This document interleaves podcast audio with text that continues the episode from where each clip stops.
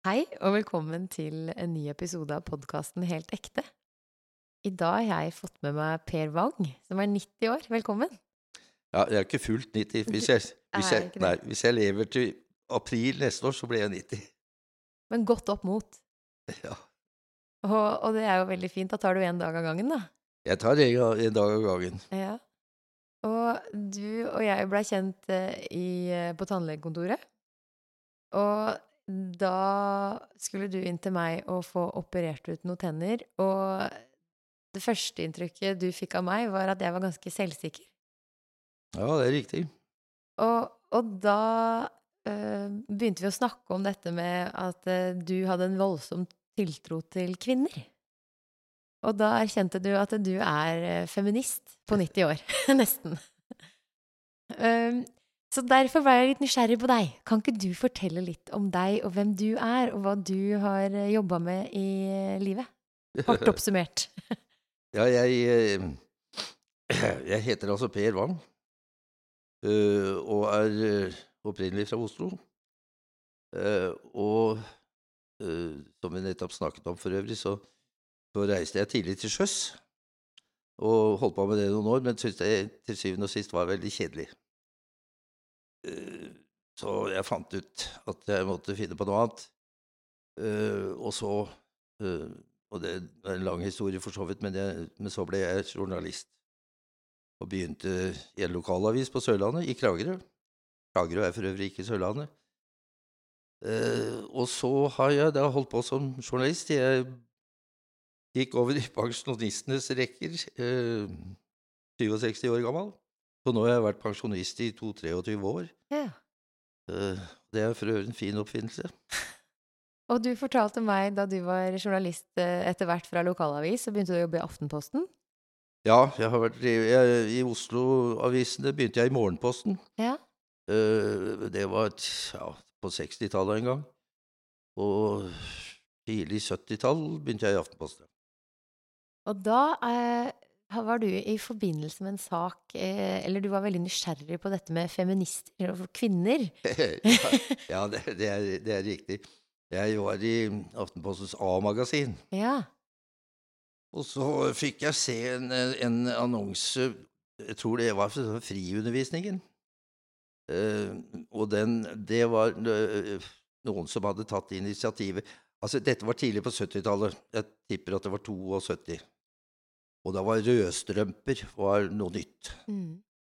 Uh, og det var altså en talskvinne, eller eh, en gruppe uh, unge damer, som uh, ville starte et kurs i feminisme.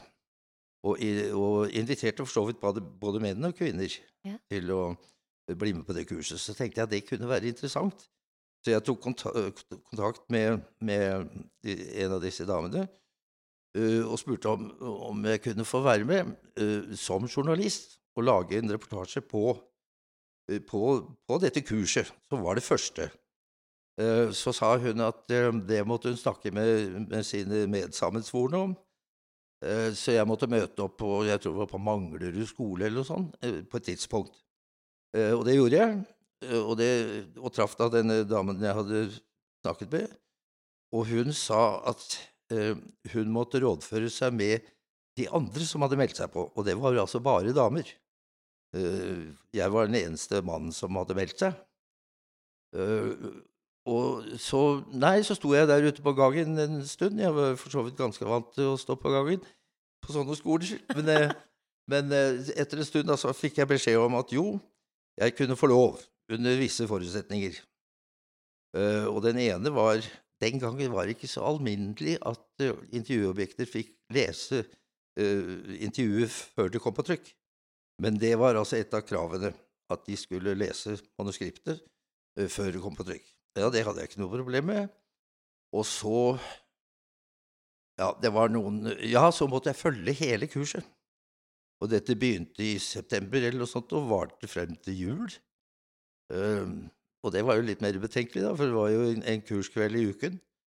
Uh, men jeg sa ja til det òg, og så var det vel en uh, siste krav, det var at, at uh, jeg som journalist måtte holde kjeft under, altså under kurset. under, under selve undervisningen. Mm. Nei, det hadde jeg for så vidt heller ikke noe problem med. Jeg, så jeg fikk bare snakke hvis jeg ble spurt. Og så så- Og på den måten så, Og det er det jeg fleipet med deg da med å si at jeg var liksom den eneste sertifiserte mannlige feminist Ja. den gangen. Da. Og det var Jeg vet jo, det var sikkert mange, mange mannlige feminister, men, jeg- men jeg var altså da på sett og vis utdannet. ja. Fordi jeg fulgte hele kurset. Det var Ja. interessant. Husker du hva du lærte? Det, jeg husker iallfall det begynte med, med rosa og blått. Ja. Eh, og, og jenter som eh, Altså små jenter som eh, ble behandlet eh, som, som jenter, med dukker og med leke, Altså alle lekesakene var jo feminine lekesaker. Og guttene med skiftenøkler og økser og, og sånn. Så, altså hvordan det hele begynte. Ja. Eh, og så gikk, gikk de jo gjennom for så vidt den historien, da. Ja. Eh, jeg lærte mye. Det var mye, mye interessant. Mye jeg kunne fra før òg. og, og det eneste jeg hadde stilt som betingelse, det var at det var da, da kurset var slutt, da ville jeg invitere disse initiativtakerne til en kopp te og, og, i Aftenposten. Ja. Og så fordi at jeg ville vite hvorfor de hadde begynt med dette. ja. Og det hadde de ikke noe imot. Eh, Så da det hele var slutt, da jeg hadde skrevet reportasjen, og de hadde lest den Jeg kan ikke huske at de innvendte noe særlig heller. Det tror jeg ikke de gjorde.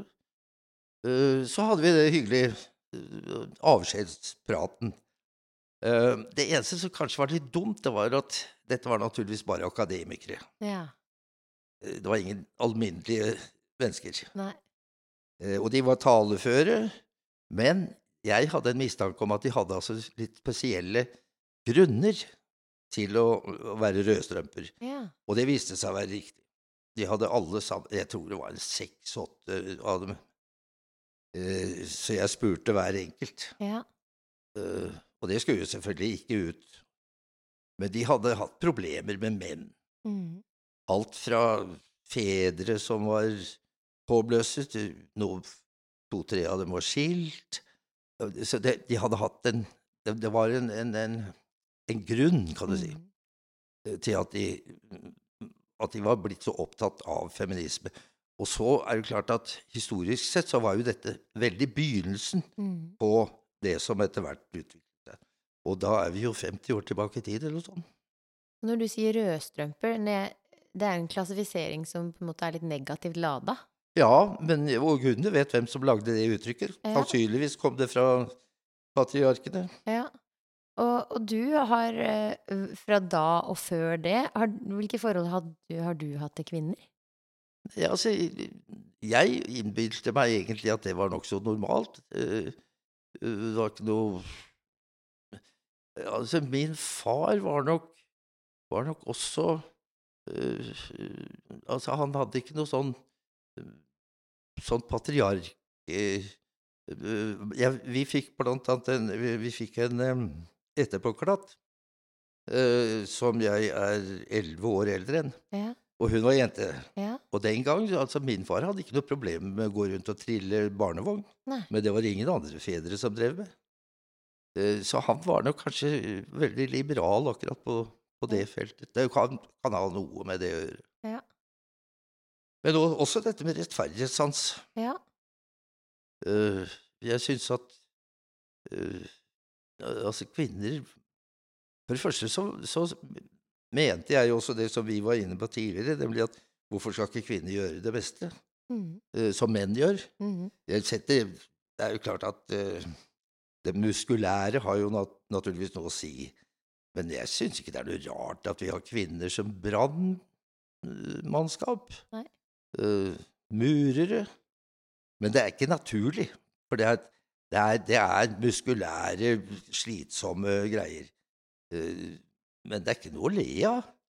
Og jeg syns jo det er veldig spennende, for etter hvert som eh, feminisme har blitt en selvfølge, og at vi eh, har blitt fortalt at damer kan gjøre alt Og vi kan være brannkonstabler, og vi Ja kan være politimennesker, og øh, Og da er det sånn Ja, vi kan, men vil vi? Og hva er det egentlig vi vil? Ja, det er jo et av, et av de Kan du si Jeg vet ikke akkurat hva man skal si problemer, men det er altså det som som jeg i hvert fall syns er litt dumt med hele dette, det er at en del mennesker har en tendens til å si at kvinner og menn er like. Ja. Men vi er ikke det.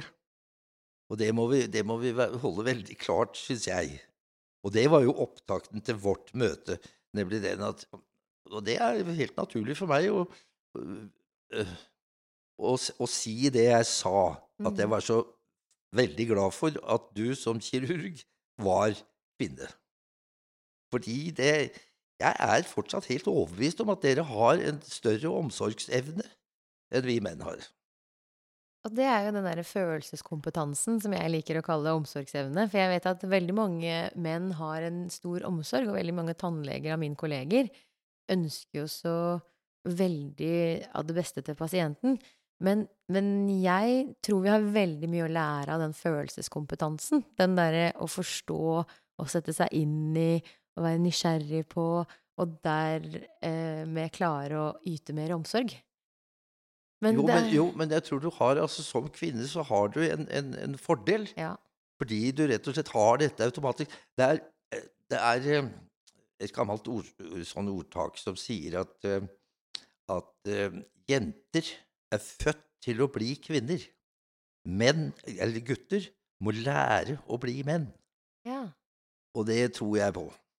Men da kan man jo også, hvis man ser på alle sånne filmer der gutter har veldig mye av det sårbare og lekne og nysgjerrige i seg, og så er verden så hard og brutal at de må bare svelge en hel haug med traumer, og så bare ta på seg sånn hardt skall, og da dermed bli mann, er det det det innebærer, eller? Nei, jeg, tror, jeg tror Og dette er veldig komplekst også, for jeg tror at eh, For det første så tror jeg ordtaket er riktig. Ja, Eh, og vi, når man følger det, så er det klart at de guttene som ikke får god nok anledning til ja, å lære å bli menn, ja, får problemer. Og jeg tror det er det vi står oppe i i, dag. ja, Eh, jeg tror blant annet at disse skilsmissene i, så stort antall eh, fører til at veldig mange gutter mister farsfiguren. Uh, mm. og jeg tror det er ganske katastrofalt. Mm.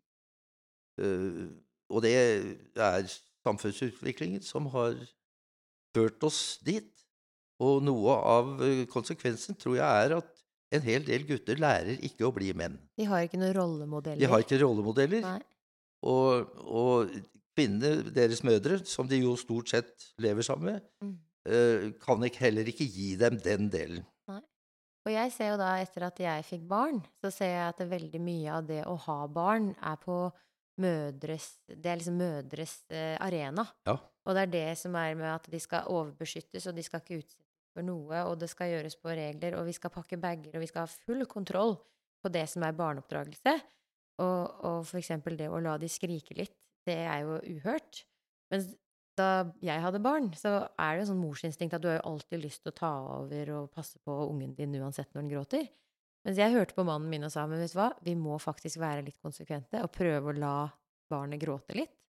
Og jeg syns det var forferdelig å høre på, men likevel så er det mye av det han har sagt om det med litt konsekvenser, litt eh, At vi må være konsekvente. Det er veldig mye av hans råd som også er veldig gode. At vi samarbeider veldig i foreldrerollen.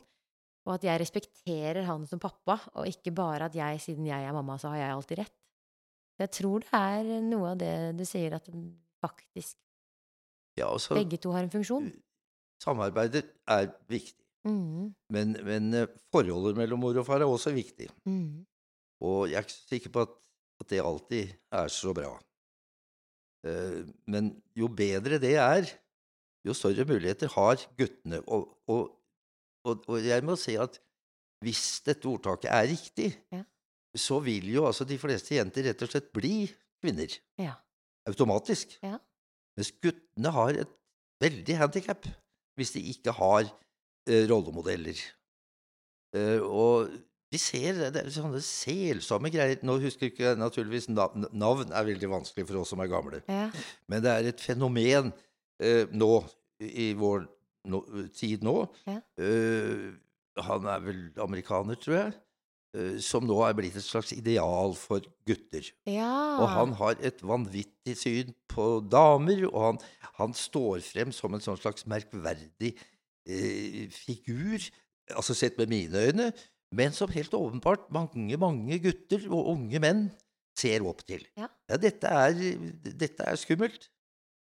Og det tror jeg er fordi man blir pola- polari- polarisert. Da. Fordi du eh, ikke har Du mangler det opplagt, sunne, respektfylte balansen mellom det å være dame og det å være mann. Ja. Også at det ikke er være greit å være mann. Fordi nå er, skal man være en sterk kvinne og følsom mann. Mhm. Så er det liksom ikke lenger greit å ha noen av disse mannlige egenskapene. Det, og, og det som jeg tror da, fra det utviklinga fra da du var på disse feministkursene, og vi virkelig måtte kjempe for at kvinnelige egenskaper også skulle bli bli respektert, ja. da er vi kanskje på et vippepunkt. Ja, og den gangen så var det jo også litt dumt dette med at at det, det ble litt for sterkt polarisert, slik at mange menn oppfattet det som om de ble angrepet. Ja. Uh, og tidvis så har vi også hatt bølger i dette her. slik at Mhm. man eh, har vært eh, Ja, de fleste av oss ble oppfattet som voldtektsforbrytere, f.eks., for eksempel, fordi vi rett og slett var menn. Mm. Uh, Og det er klart at når, når polariseringen blir så, så sterk, så, så farves debatten, uh, og så kom, kommer det frem mye tull Mm. som egentlig ikke, ikke har noe særlig med det hele å gjøre. Eh, så så en, en toleranse fra begge parter hadde vært eh, mye bedre. Men allikevel så er det jo godt Det er jo godt stort sett bra, da. Og jeg tror jo det er veldig fint at kvinner har muligheter, for for det har jo mye mer muligheter i dag enn det vi hadde før. Helt klart. Men samtidig så tror jeg det er uendelige muligheter, og så klarer vi ikke å gi slipp på den gamle rollemodellen. Og så skal vi ta inn den nye rollemodellen samtidig som vi tviholder på den gamle Ja, det, er, det der, der er også, syns jeg, et, eh, et problem. Det at, det at Altså, det, den, den største endringen i vårt samfunn var vel egentlig når kvinnene gikk vekk fra kjøkkenbenken og ut i samfunnet. mm. for å tjene penger selv. Eh, Og det var naturligvis helt riktig. Men spørsmålet er om man var dyktig nok til å, til å lage overgangen eh, myk nok. Mm. Det ble litt sterke fronter, Uh, og, og det, det fikk naturligvis sine negative konsekvenser. Og en av de negative konsekvensene tror jeg er utbrenthet, eksempel. At, eh, Ja, det er en av dem. Ja, for man snakker om det fjerde skiftet. Det er det derre med at man uh, har husarbeid, og så har man uh, jobb, og så har man unger. Så er det den planleggingsbiten som også ligger Ja, på men det er, det er flere ting ved det. Eh, Blant annet dette med, dette med at eh, Iallfall så, så- sånn som jeg oppfatter det, så, så er altså den gunstigste tiden for kvinner å få barn, det er altså fra de er 17 år til 22. Og det er det snart ingen som får. Og det er klart, da gjør man altså med en gang en, en, en endring i den naturlige utviklingen. Eh, Og så ser vi i dag at, eh, at de altså får barn i seneste laget. Mm. Hvilket naturlig, når det gjelder det naturlige, ikke er, ikke er eh, ønskelig.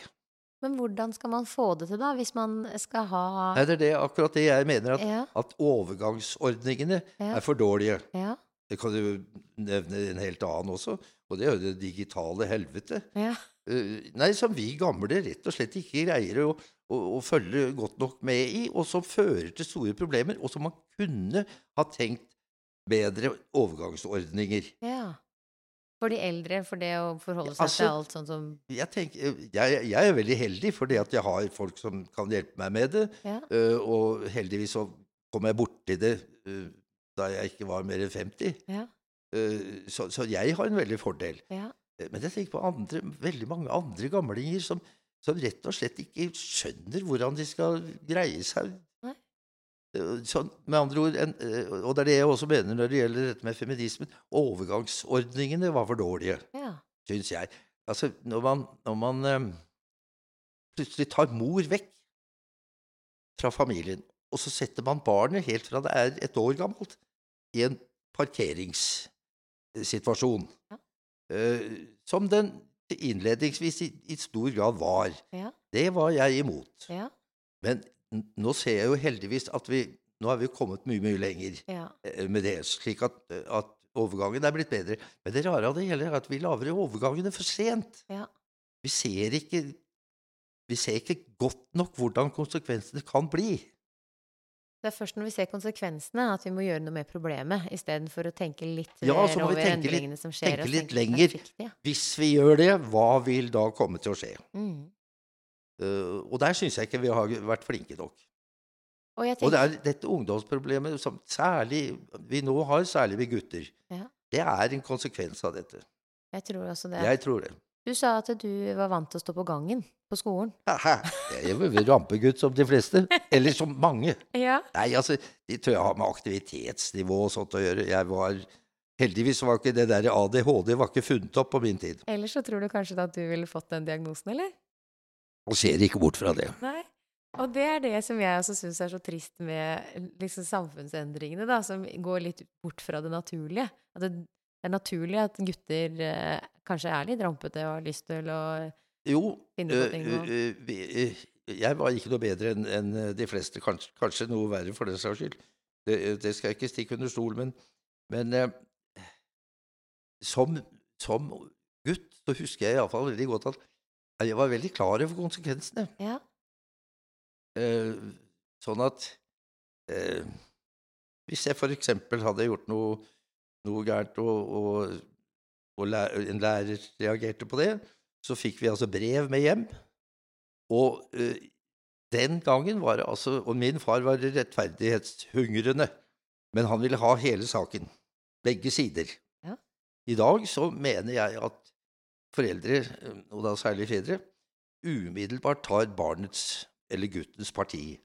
Og, og dette går jo altfor langt mange ganger.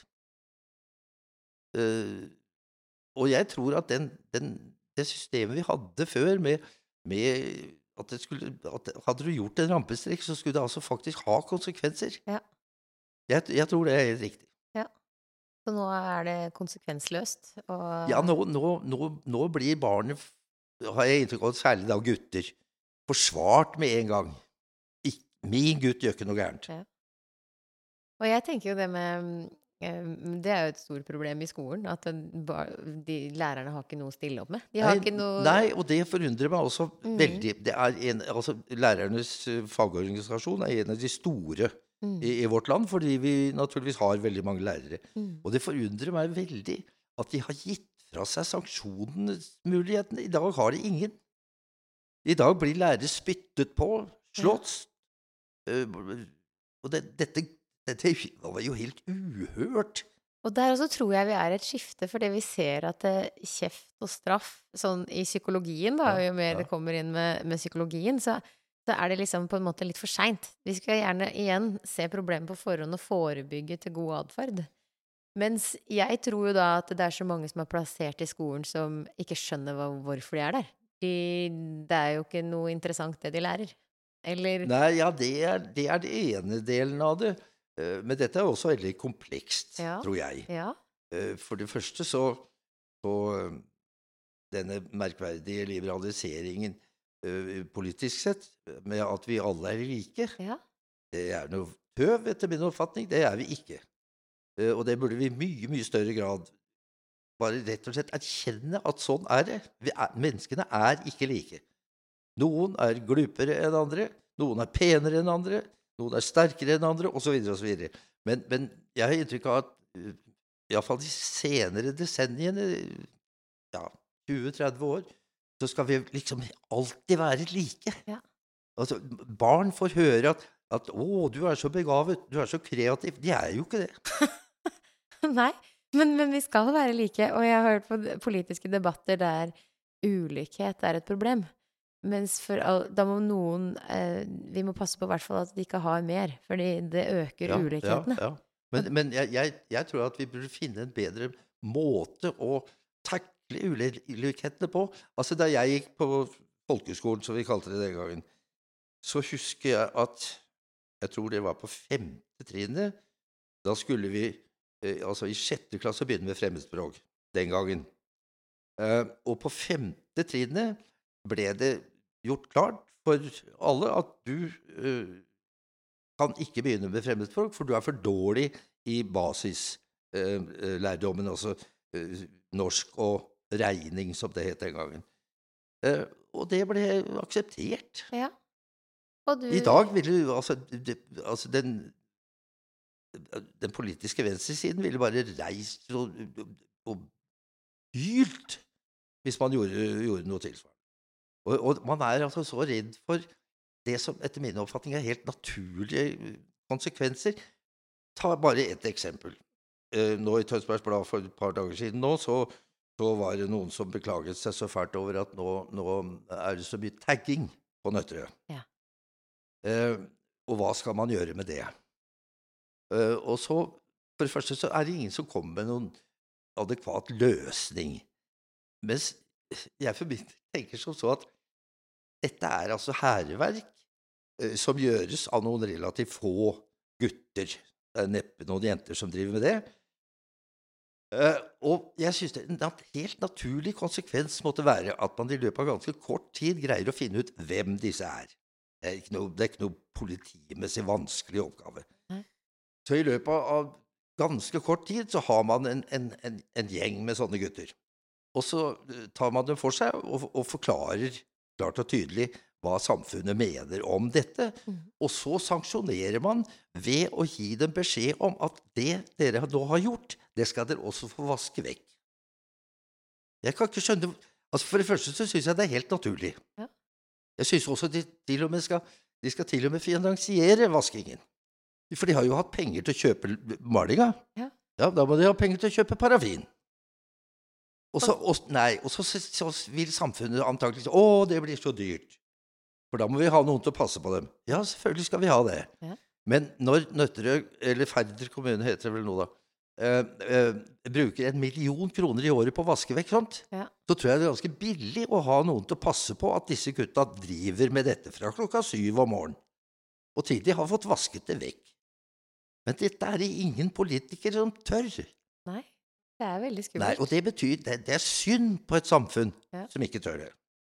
Og jeg har faktisk eh, akkurat blitt kontakta for å være frivillig for denne gruppen med gatere som eh, tagger. Ja. Som også driver med rus, som ikke har noe. Det er mye Ja. vold. Det er en gruppe som, som sliter. Og, og det er igjen sånn som vi snakka om i stad. Hvorfor sliter de? Og det er jo det vi, Jeg tror jo alltid på psykologi og kommunikasjon, at vi trenger Ja, en, det gjør jeg jo. En, en sånn og, og det som da Røde Kors gjør, da, er å samle denne gruppen for å faktisk gi dem noe som ikke bare da er hærverk.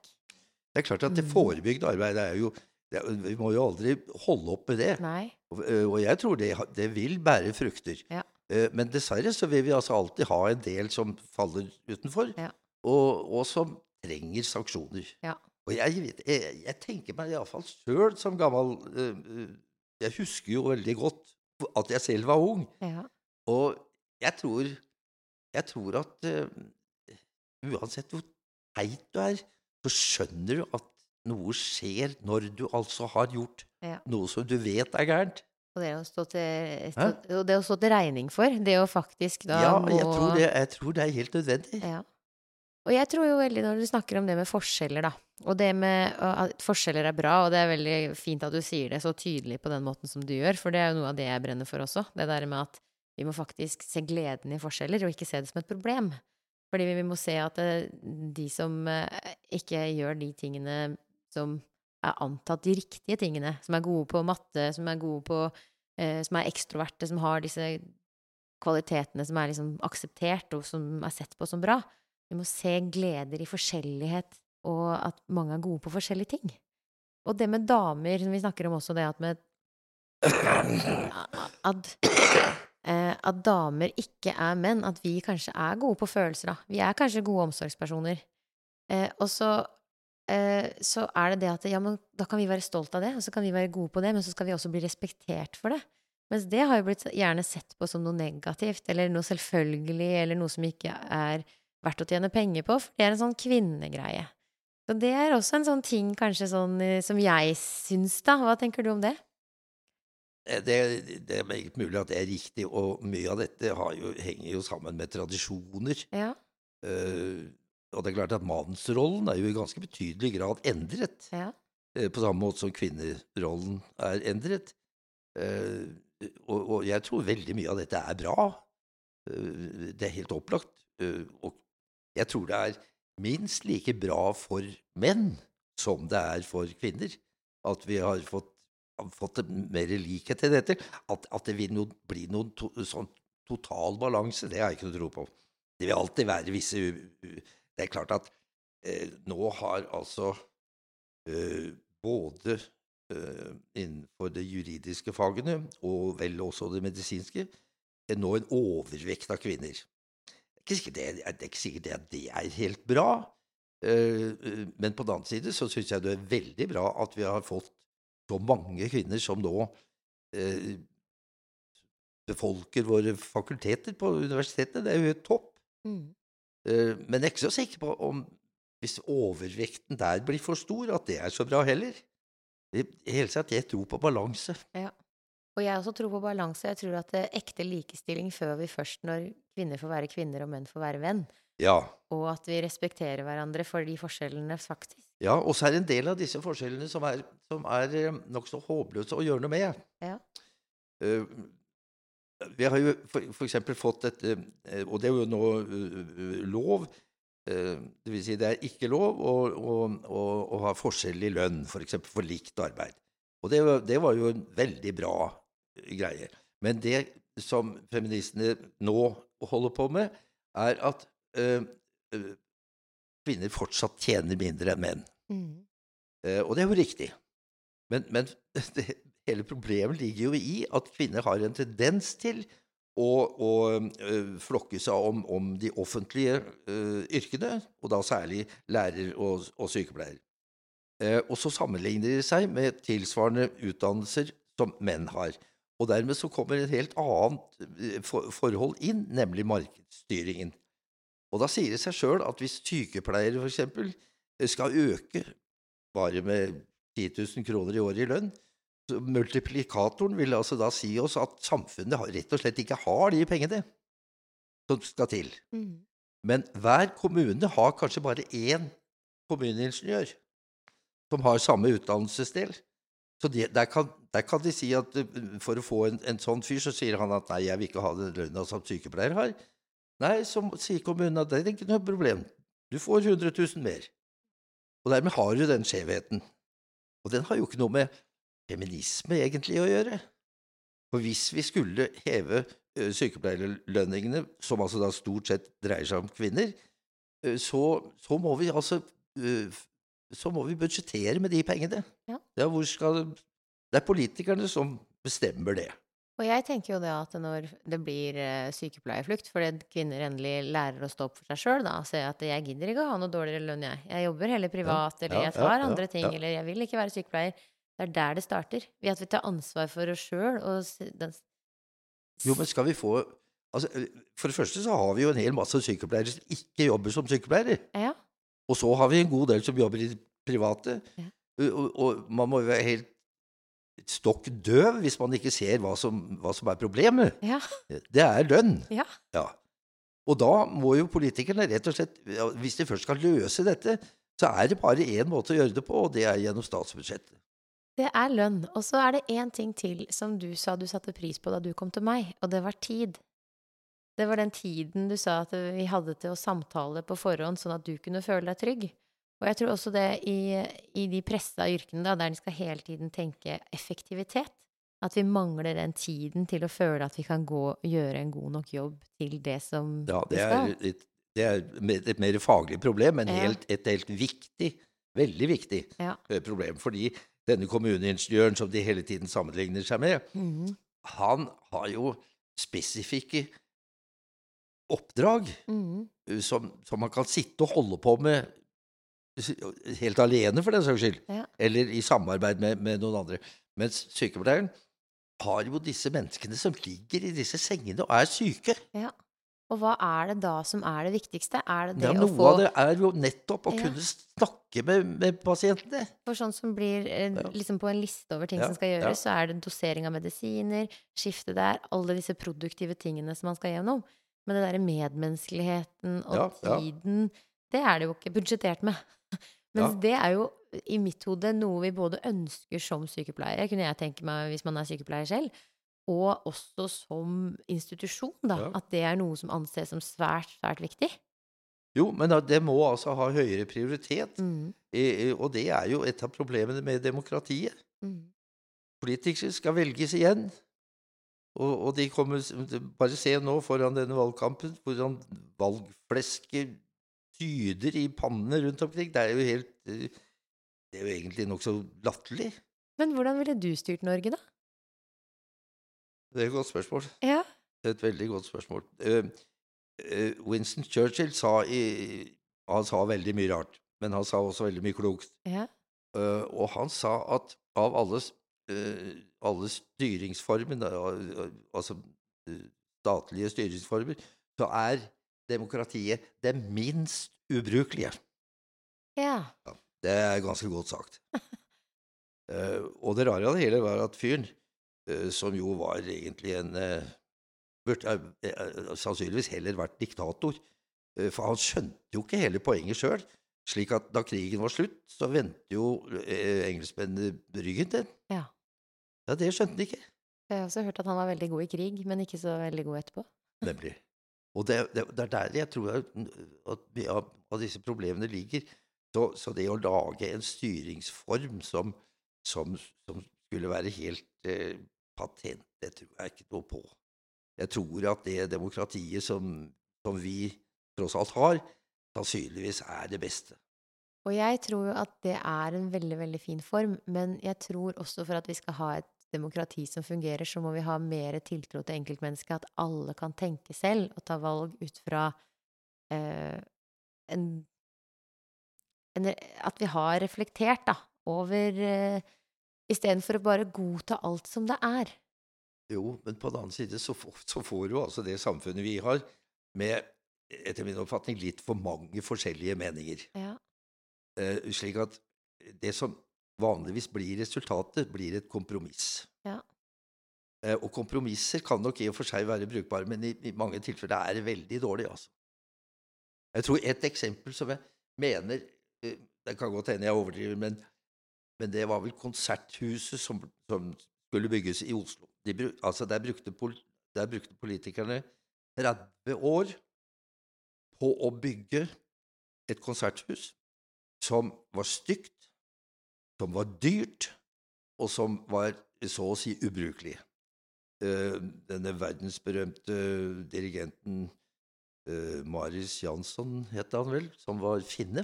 Ja. Han fikk jo hjerteinfarkt av den dårlige, dårlige akustikken i dette konserthuset. ja. Eh, og etter min oppfatning så var det et veldig dyrt og ubrukelig kompromiss. Og det er veldig artig at du forteller om dette her, fordi jeg har en bok som står borti bokhylla mi av en forfatter som heter Ayn Rand. Har du hørt om henne? Nei. Og hun, eh, hun har skrevet om en isme som ikke er demokrati, men en objektivisme. Som da mener at vi, med alle forutsetninger eh, til grunn, så eh, At egoisme er liksom den sanne dyd, og at eh, det med faktisk da å inngå kompromiss hele veien, det bare ødelegger alt. For vi må tørre å ta ansvar for å Ja, men det er det som er demokratiets eh, svake side. Ja. Det er at man ender alltid med, med et kompromiss. Ja. Eh, og der har jo diktaturet sin fordel, ja. Eh, men på den annen side så er det jo helt innlysende at vårt system er vesentlig bedre, og det viser seg jo også historisk at det er. Men hva om vi kunne For det er jo det jeg eh, Et av målene med den podkasten er jo å se hva er alternativet, og hva er det som kan fungere. Jo, altså, og jeg, jeg, jeg vet ikke om du har lest Brave New World Nei? av Aldous Huxley, eh, den engelske forfatteren. Som, som, han, han, han løser jo dette i sin roman, som ble verdensberømt. Ja. eh, dette med at, at han kutter ut at mennesket fødes på den naturlige måten. Ja. Så, så i den romanen, eh, så, som ble veldig omdiskutert da den kom, det var jo ganske lenge siden nå, da, 30 år eller noe sånt, eh, hvor han altså da eh, flasker opp mennesker. Altså de blir født i flasker Ja. eller reagensrør, og blir født som og, og Det som, som vi var litt inne på i stad, dette med problemet med forskjellene. Ja. Men vi er jo ikke like. Eh, eller for å si det på, på, på en annen måte, så eh, hvis du bruker intelligensfaktoren, så går det altså fra at du er dum som et brød, helt opp til Einstein og, og, og her all, ligger vi jo alle sammen ikke sant, på, på denne skalaen. Mens, mens, Huxley løser altså det ved at han rett og slett skaper de dummeste. Ja. Eh, og de forblir dumme i hele sitt liv, og de er fornøyd med det. Ja. Eh, og så eh, Den boka må du lese, altså. Ja. Så, så, og så putter han inn eh, noe som han kaller for eh, Soma, Sama, Soma, Soma tror jeg det er. Som er eh, en pilleform. Eh, så den får folk he hele tiden, eh, og kan brukes, og det er en slags ferie, altså en slags rushistorie, som ikke skaper noen problemer, men, men som bare løser også. Og så hele greia Det er jo en veldig eh, han, han, han, tar jo en konsekvens av at disse fødes. Han bruker også det greske eh, alfaer er de smarteste, altså på toppen av stigen, Ja. og betaer og, og, og epsiloner er de som er helt på bånn. Og dermed får han et samfunn, et samfunn som Altså hvor begrepene mor og far for eksempel, er, er egentlig det samme som vi oppfatter som pornografi i dag. Ja. Ja, det er jo bare tull. ja. Du har jo ikke noen mødre og fedre. Nei. Nei, for er, man er jo skapt i disse reagensrørene, ikke sant? Og så har man utryddet så å si alle sykdommer. Ja. Og så får du da et sånt slags elitesamfunn eh, som, eh, som eh, naturligvis også er ubrukelig. Og da er det veldig spennende på hvilke kvalifikasjoner som er bra i et sånt samfunn, for da velger man jo. Og jeg tror det er det på en måte vi har. Eh, og det er jo en annen film som heter Gattaka. som vi, vi Nå har vi jo teknologien til å faktisk eh, selektere bort eh, gener som koder for sykdom. Ja. Og så får man sånne elitemennesker. Så det også er jo sånn derre Ja, og nå, vi, nå er vi i ferd med å, med å møte sånne nye ting som vi, som vi sannsynligvis ikke, ikke er i stand til å ta helt konsekvensen av nå, som f.eks. dette med kunstig intelligens. Og det er derfor jeg tror det er så viktig å se verdien i hva er kunst, hva er følelser, hva er disse tingene som er variasjoner som faller Som blir sett ned på, eller som forsvinner litt, da, i den derre elitismen. At eh, man ikke verdsetter så mye som man burde. Så det er jeg syns sånn Ja, men det, det, er, det det, er, det, er så, det er så komplekst. Øh, fordi altså noe, noe som disse samfunnsforståerne etter min oppfatning hopper litt for mye bukk over, Ja. det er at vi er blitt for mange på denne kloden. Ja. Altså, da jeg var ung, så, så uh, bodde det i Norge ca. tre millioner mennesker. Nå er vi over fem. Eh, den gangen, eh, og da snakker jeg altså om slutten av eh, annen verdenskrig, så var vi tre milliarder mennesker. Nå nærmer vi oss åtte. Og, og det er klart at fotavtrykket blir større og større. Og nå har vi Altså, det, det, det som kanskje er det verste nå, er klimautfordringene. Men det her også er jo en ting som eh, media ikke tør å prate om. Eller det- det er jo sånn der med at vi er for mange. Det er jo et problem som man ikke tør å snakke om, for det, man kan jo ikke se alternativet for noe Nei, annet. nei man, det, det, og og jeg lurer på om det er derfor eh, debatten også ikke, ikke, ikke egentlig ser tydelig nok. mm, Altså, at man, noen gjør det jo, jeg har absolutt vært borti og lest om det, det er masse kloke mennesker som er klar over det samme. Så det er ikke noe jeg sitter og, og, og, og vet noe om. Men jeg syns at man i mye større grad burde ta det med i betraktningen. mm. Eh, Det det er jo klart at, at selv om de aller fleste av disse åtte milliardene er sultne og fattige og syke, så må de altså forbruke noe hver eneste dag. Og det fører altså til mangel på energi, det fører til, eh, til forsøpling, i grader som vi altså ikke, ikke egentlig har skjønt hvor ille det kan bli. Men du som er 90 år, nå som er ungdommen er jo litt sånn når du sier det med klimakrise, og det er så mange problemer i verden, tenker du at du har blitt mer og mer fremtidspessimist i løpet av ditt liv, eller hvordan har utviklinga gått der? Ja, ja, jeg er litt enig med deg i det. Fordi at vi vil vel alle være optimister. For det er jo liksom positivt. Det å være pessimist er negativt. Eh, men jeg eh, prøver så godt jeg kan å være optimist, men veldig mye tyder på at man må anstrenge seg stadig mer for å være det. Vi, vi har problemer nå eh, foran oss. Altså bare nå i, i dag uh, ser jeg uh, jo noen problemer som bekymrer sterkt. Klima er et av dem.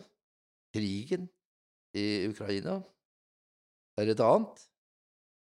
Risikoen for at Donald Trump skal bli valgt igjen, er et tredje. Eh, Sånn at det er grunn, god nok grunn til å bekymre seg. Og jeg tenker jo det at det er den gjengse holdningen, og du spurte meg før vi starta denne praten om eh, hvorfor jeg driver denne podkasten. Og det er fordi jeg sier at eh, på et eller annet vis så har jeg lyst til å endre verden. Ja, ja, ja, og jeg, jeg, jeg, på å si dessverre er det et ungdommelig øh, eh, ønske. Uh, og jeg, jeg var jo makan Jeg var, jeg var eh, Når var det? Det var vel også på, på 70-tallet. At, eh, at jeg traff Erik Damman eh, og ble med i, i, i denne Fremtiden i våre hender. Ja. Eh, og hadde nok også eh, det samme trangen til å forsøke å, å gjøre noe. Men jeg husker, jeg husker jeg, Erik og jeg, vi, vi var Altså, han mente Han var, eller er, en flott fyr. Han er noe eldre enn meg. Han fylte 90 år her for to-tre år siden. eller noe sånt. Innmari kjekk fyr for øvrig. Eh, men men eh, et noe mer romantisk syn. Vi, vi, vi hadde samme, samme mål. Ja. Men jeg tror at han var, var nok mer romantisk og trodde at dette ville bli en folkebevegelse. Ja. Og jeg var skeptisk. Og dessverre fikk jeg rett. ja. Det ble aldri noen folkebevegelse. Eh, det, var, det var mye entusiasme til å begynne med, jeg var med helt fra børjan. Eh, han skrev denne boken, 'Fremtiden i våre hender'.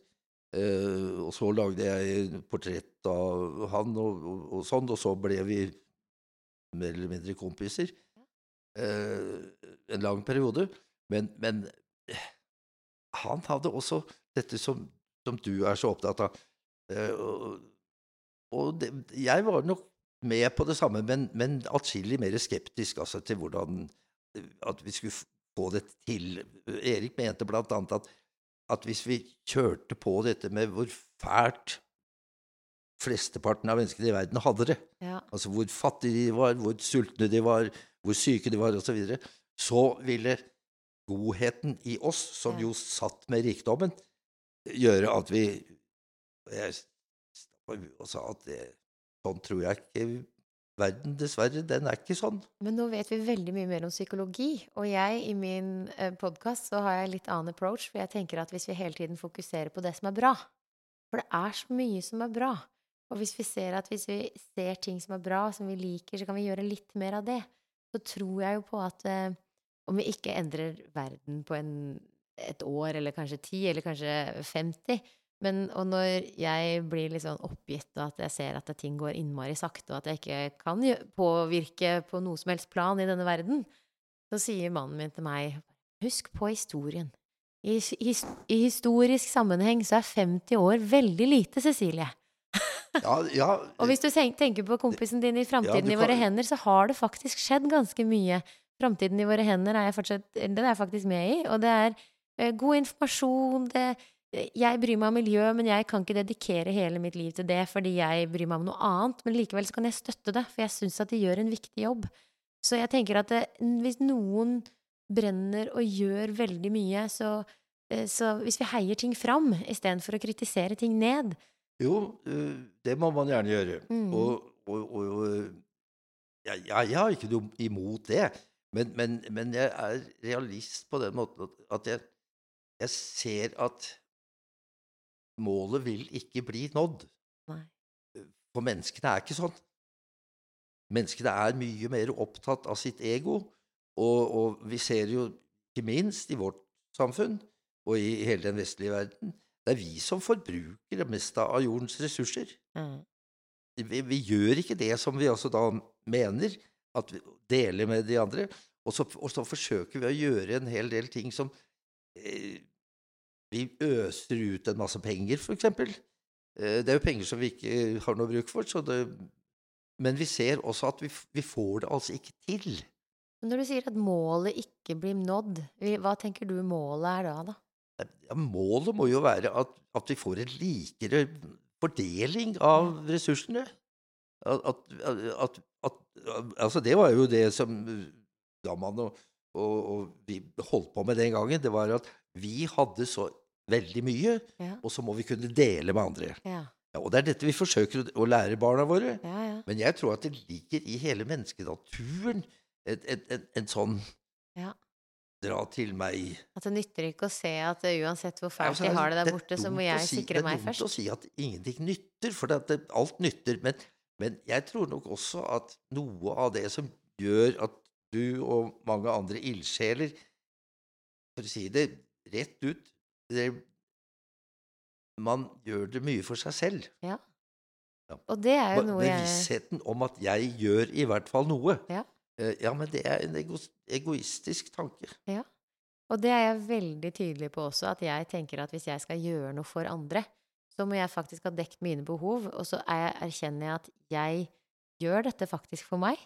Men så ser jeg også rundt meg at så lenge jeg da er egoistisk på en sånn måte at jeg ikke tar fra andre, eller er slem med andre, eller, eller eh, eh, ikke respekterer andre rundt meg, så er det veldig, veldig mange som har godt av at jeg da er en egoist. Og den selvsikkerheten som jeg påpekte, eller som vi snakka om, som jeg viste da i starten, den har jeg da etter hvert eh, bygd opp fordi jeg tar meg selv på alvor. Og, og det også at jeg ser at For tidlig som tannlege så tenkte jeg at jeg ikke Jeg var usikker. Jeg var veldig bevisst på hva andre tenkte om meg, så hvis pasienter kunne se på meg med skjevt øye og tenke at jeg ikke var noe flink, så, så gikk det faktisk utover hva jeg presterte, og det kunne også gjøre at jeg tvilte på meg sjøl, sånn at jeg ikke klarte å ta en god beslutning. Så det faktisk å, å lære å, å både eh, tro bra om seg sjøl og ta hensyn til seg sjøl og passe på seg sjøl, det gjør at man blir bedre i det man gjør også. Ja, det er jeg ikke uenig i. Nei?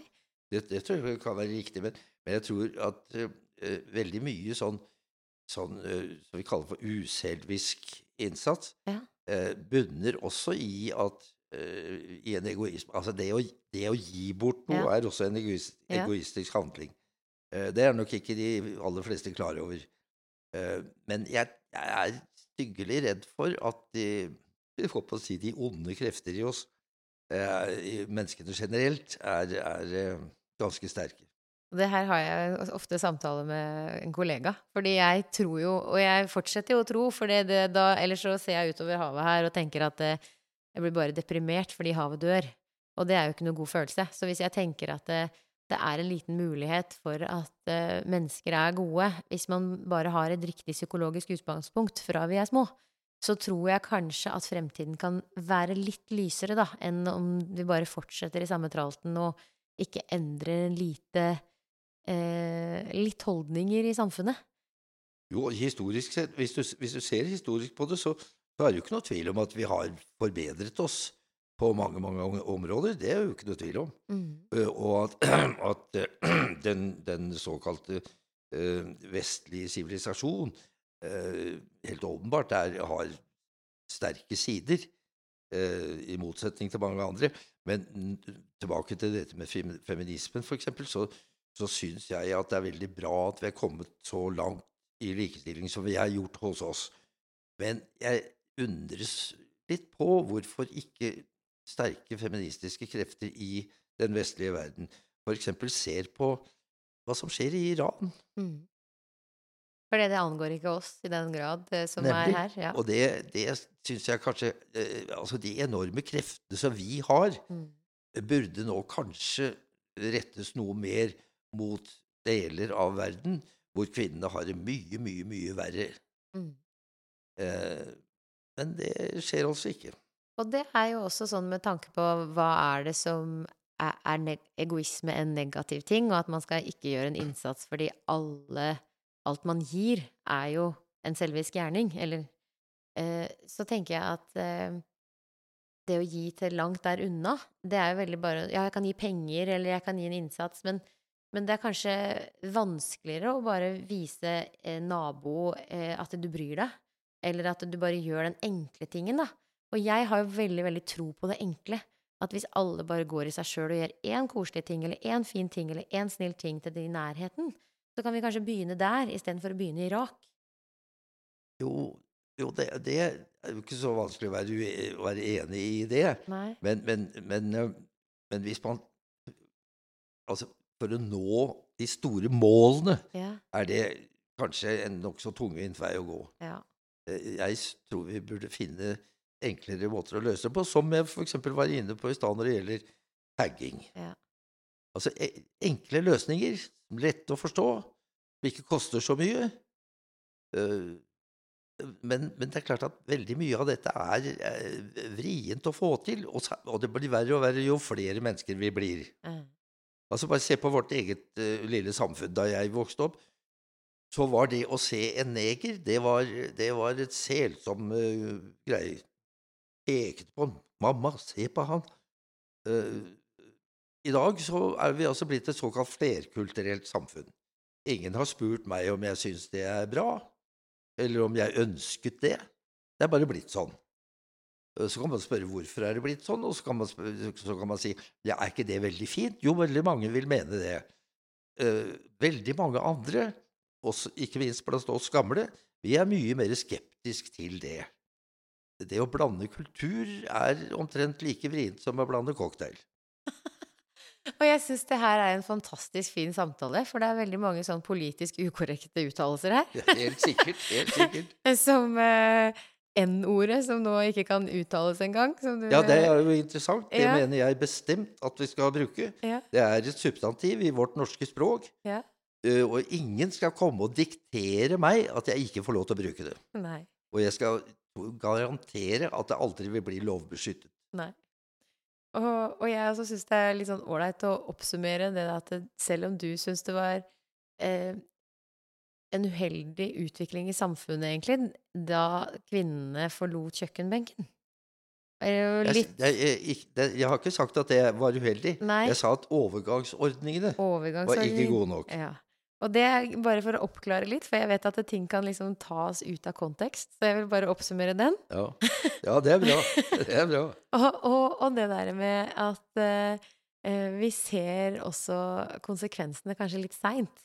Og derfor må vi kanskje tenke på overgangsordninger litt tidlig. Og det, som når du snakker også om digitalisering, og det der med nå som skjermen De gjorde alle disse endringene i skolen, at alle skulle ha iPad, all, plutselig veldig mye skjerm uten å konsekvenstenke noe særlig i forkant. Og nå ser vi jo da at det kanskje ikke var så lurt. Og så kommer det litt seint, og så har vi brukt masse penger på en endring som vi da Ja, når det gjelder dette med skjermbruken, er det jo nokså innlysende, nå i hvert fall. For nå vet vi mye mer, og vi vet hvor, hvor, hvor altså Vi vet mye mer om konsekvensene. Og da prøver vi å, å, å rette på det. Vi burde nok ha sett noe av dette tidligere. Noen gjorde det. Eh, jeg er for øvrig veldig for, altså, I den samme forbindelse så, er jeg forundret over eh, skolen. Eh, hvor man også da for så vidt har skjøvet ansvaret over på den enkelte skole. jeg er av den oppfatningen at her burde man sett at det å ha med seg disse telefonene Altså elevene skulle ha det med seg på skolen og kunne bruke det der, burde vært stoppet vesentlig tidligere. Og så kan jo jeg sitte på den høye hest og si at ha-ha, dette her mente jeg for lenge siden, og nå er det heldigvis blitt enig med meg. Men, mens det vi har hoppet over, det er altså konsekvensene. Mm. Så ansvar, konsekvenstenking, det er noe som vi kan være enige om at det er bra Jeg tror, jeg, det er veldig lurt, uansett nesten hva, hva man gjør, så er det lurt å tenke på hva vil det jeg ønsker å gjøre, hva vil det føre til av andre ting? Det er vel det samme som i medisin. Det er vel ingen medisiner som ikke har bivirkninger. Nei, og jeg er jo eh, Ja, det, det er Og jeg, det der med medisinen sånn som vi ser den i dag også, eh, det er jo hvordan man ser verden, som definerer det målet som vi leiter etter der framme. Ja, ja. Og, og jeg ser alt det du påpeker av det verdenssynet vi har i dag. Men så har jeg på en måte en litt sånn Medisinen som det vi har i dag, med medisiner og bivirkninger, så ser jeg at den ekte medisinen, det er faktisk det å eh, se mennesket som helhet. Se relasjoner som en del av eh, det vi trenger. At vi er en del av naturen. Og at eh, hvis vi da tar også hensyn til følelsene våre og hva det gjør i kroppen vår, så eh, hvis vi tenker medisin på den måten, så har det jo ikke noen bivirkninger annet enn positive. Men hvis man tar en hjertemedisin, så vil den garantert kanskje påvirke noe den ikke var ment å påvirke. Mm. Ja, og det er, det er klart at den utviklingen vi har sett når det gjelder medisin, er jo fantastisk. Mm. Eh, Og den går jo bare videre. Men, men hver gang du kjøper en eller annen medisin, så ligger det inne i esken en, en, en, en, sånn folder. Um, og der eh, leser man den, så kan man jo bli vettskremt. Ja. Eh, For der, er, der står jo konsekvensene. Ja. Eh, og- Og jeg er helt enig med deg i at jo mer harmoni man kan ha eh, i seg sjæl og, og, og, kretsen rundt, jo bedre har man det. Mm. Så jeg holdt på å si, hvis du hadde spurt meg eh, eh, hvordan, hva er årsaken til at jeg er blitt så gammel? Ja, det var det mitt neste spørsmål, faktisk. Mhm. Det var mitt neste spørsmål, faktisk. Ja vel. Eh, nei, da, da, da, er det, ligger det naturlig, for meg i hvert fall, å svare om- omtrent sånn som den Det er jo en gammel vits om det, hvor, hvor en gammel mann blir spurt om hvorfor han er blitt så gammel. Ja. Og så svarer jo den fyren da eh, at ja, jeg har røkt og drukket alkohol og stått i med damer hele mitt liv, sunget i dusjen osv. Og, så videre, og det må vel være resepten. eh, og på, mange måter kan jeg si meg enig ja. eh, i det. Eh, og jeg, jeg tror at jo, jo mer man kan være i harmoni med seg sjæl og, og, og, og de som er rundt, jo sunnere har man det. Behøver ikke nødvendig å jogge hele tiden, altså. Eh, eller holde på med hva man nå driver med. Eh, Det går bra. Eh, Jeg tenkte på det i går, for da var jeg ute på en lang sykkeltur. Og hva er poenget med å sykle i fem timer? Da jeg tror faktisk det å trene litt mindre og gjøre litt mindre og bare være litt mer fornøyd med seg sjæl, det er en ja, ja, og hvis man, hvis man nå lærte det Ja. eh, i en tidlig alder Ja. eh, også, Hos noen er det kanskje rett og slett eh, nedlagt, så man gjør det helt naturlig. Eh, men jeg er redd for at de fleste mennesker er nok ikke kreative nok Mm. eh, til det. Så de gjør det som de andre gjør. Mm. Og det er ikke så sikkert at det er det lureste. Etter hvert så viser det seg kanskje at vi er litt sånn industrialisert i at vi bare er en Ja. del av en sånn Jeg, ser, produksjonslinje. jeg, jeg har en definisjon på, på og det å bli gammel, og det er at når jeg ikke lenger ser uh, navn i dødsannonsene, navn som jeg kjenner, og ikke nødvendigvis venner eller familie eller sånn, men som du gikk på skolen sammen med, og folk som du har møtt, når jeg ikke lenger finner navn som jeg da naturlig burde kjenne, da er jeg blitt gammel. Ja.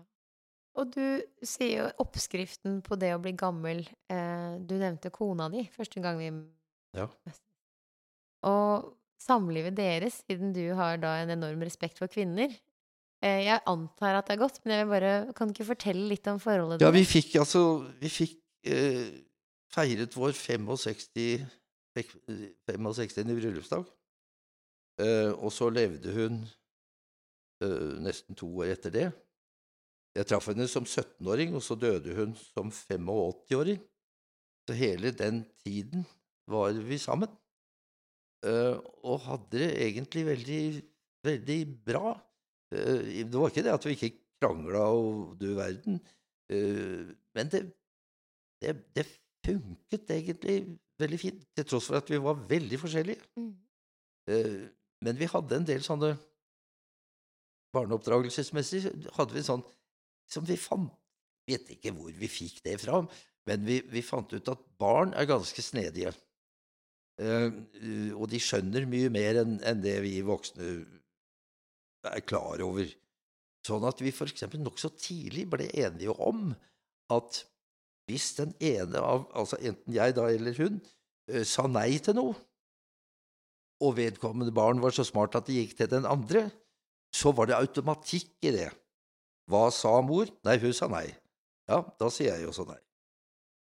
Og så løste du faktisk et, et ganske betydelig problem, og massevis av krangel og, og forhandlinger og ting, ved at man rett og slett var enige om det. Så kunne jo vi gjøre opp på kammerset etterpå. Hvorfor sa du nei til det? Jeg mener at eh, han kunne jo få lov. Men bare ved noe så enkelt, så tok du altså Det ble ikke noe Da var det absolutt. Da skulle ikke gå på kino. Ferdig med det. Både mor og far sa nei. Så det at dere var enige overfor barna Ja, deres Veldig ikke enkel oppskrift. Usedvanlig enkelt, men hvis du greide å holde, holde, holde den avtalen, så, så hadde du løst en haug med problemer. Så jeg tror at my, mye kan gjøres med Og en annen ting er at dette med Det er jo for øvrig selsomt, fordi iallfall sånn naturlig som det var i min tid, da, så ble vi jo forelsket. Eh, og det eh, skjønte jeg nokså tidlig, det hadde jeg sikkert også lest meg til, at forelskelse er egentlig en psykiatrisk historie. Det er en sinnslidelse eh, som går over av seg sjøl. Eh, men den, den er veldig beslektet med noe som heter kjærlighet.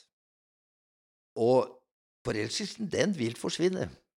Men det skal ikke kjærligheten gjøre. Den skal man ta vare på.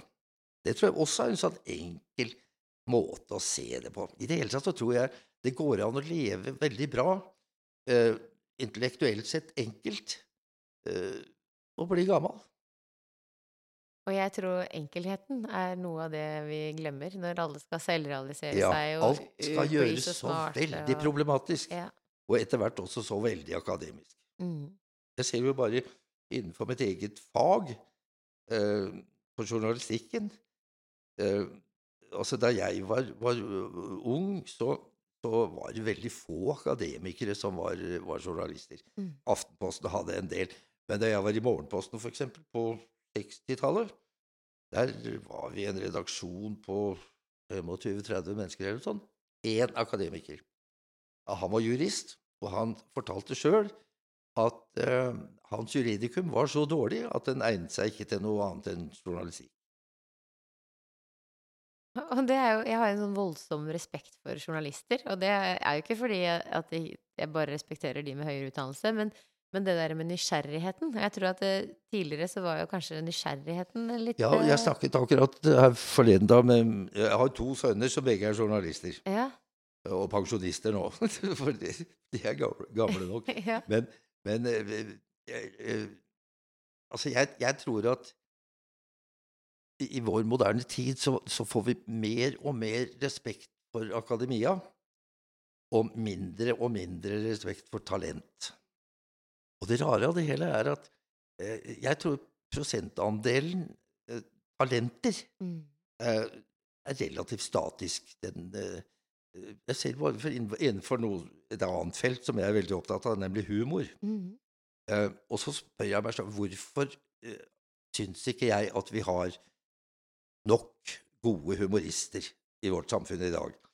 Og så sier, så sier folk, når jeg snakker med, med dem om det, så sier de at nei, du er så gammel at uh, du skjønner ikke vitsen lenger, liksom. uh, det er ikke jeg helt sikker på er riktig. Nei. Jeg tror faktisk at det er uh, færre talenter i dag. Men kanskje er det feil. Kanskje er det like mange. Men det er for mange talentløse imellom. Og noe av det verste, syns jeg, som vi opplever i vår moderne tid, det er influensere. Det er en forferdelig greie. Eh, Sofie Elise eller noe sånt. 90 000 følgere. Og det er nok til å fortelle meg om at den ønskeverden som både du og jeg vil ha, den er uoppnåelig. Markedet er for dårlig. Og det var jo også en av grunnene til at jeg, jeg tenkte at eh, hvis jeg skal klage på sånne som eh, Sofie Elise, som du nevner, da, så må jeg faktisk eh, vise at det fins et alternativ. Så det å være en eh, verdiinfluenser istedenfor bare at man viser at damer kan være influensere i kosmetikk og alle, men det å faktisk snakke om verdier og følelser og helse da tenker jeg, men da må jeg vise at det er et alternativ, da. Ikke at jeg er en influenser i den det, det alternativet men har egentlig alltid vært der. ja. Eh, Men det er bare at det er ikke det massen det griper. Massen det griper Sofie Elise. Ja. Og det er jo det, og det er derfor jeg i, av og til i avmakt sier at vi- vi må ha et helt nytt samfunn. Ja. Må finne en øy et sted. Og, og der må vi lage et nytt samfunn. Ikke Olders Huxleys samfunn, Nei. men eh, folk for, som f.eks. er opplært til selv å tenke. Ja.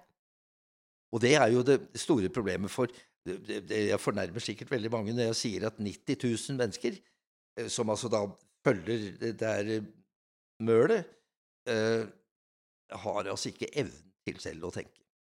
Med andre ord er det en påstand som ikke er sann, den at alle er kreative.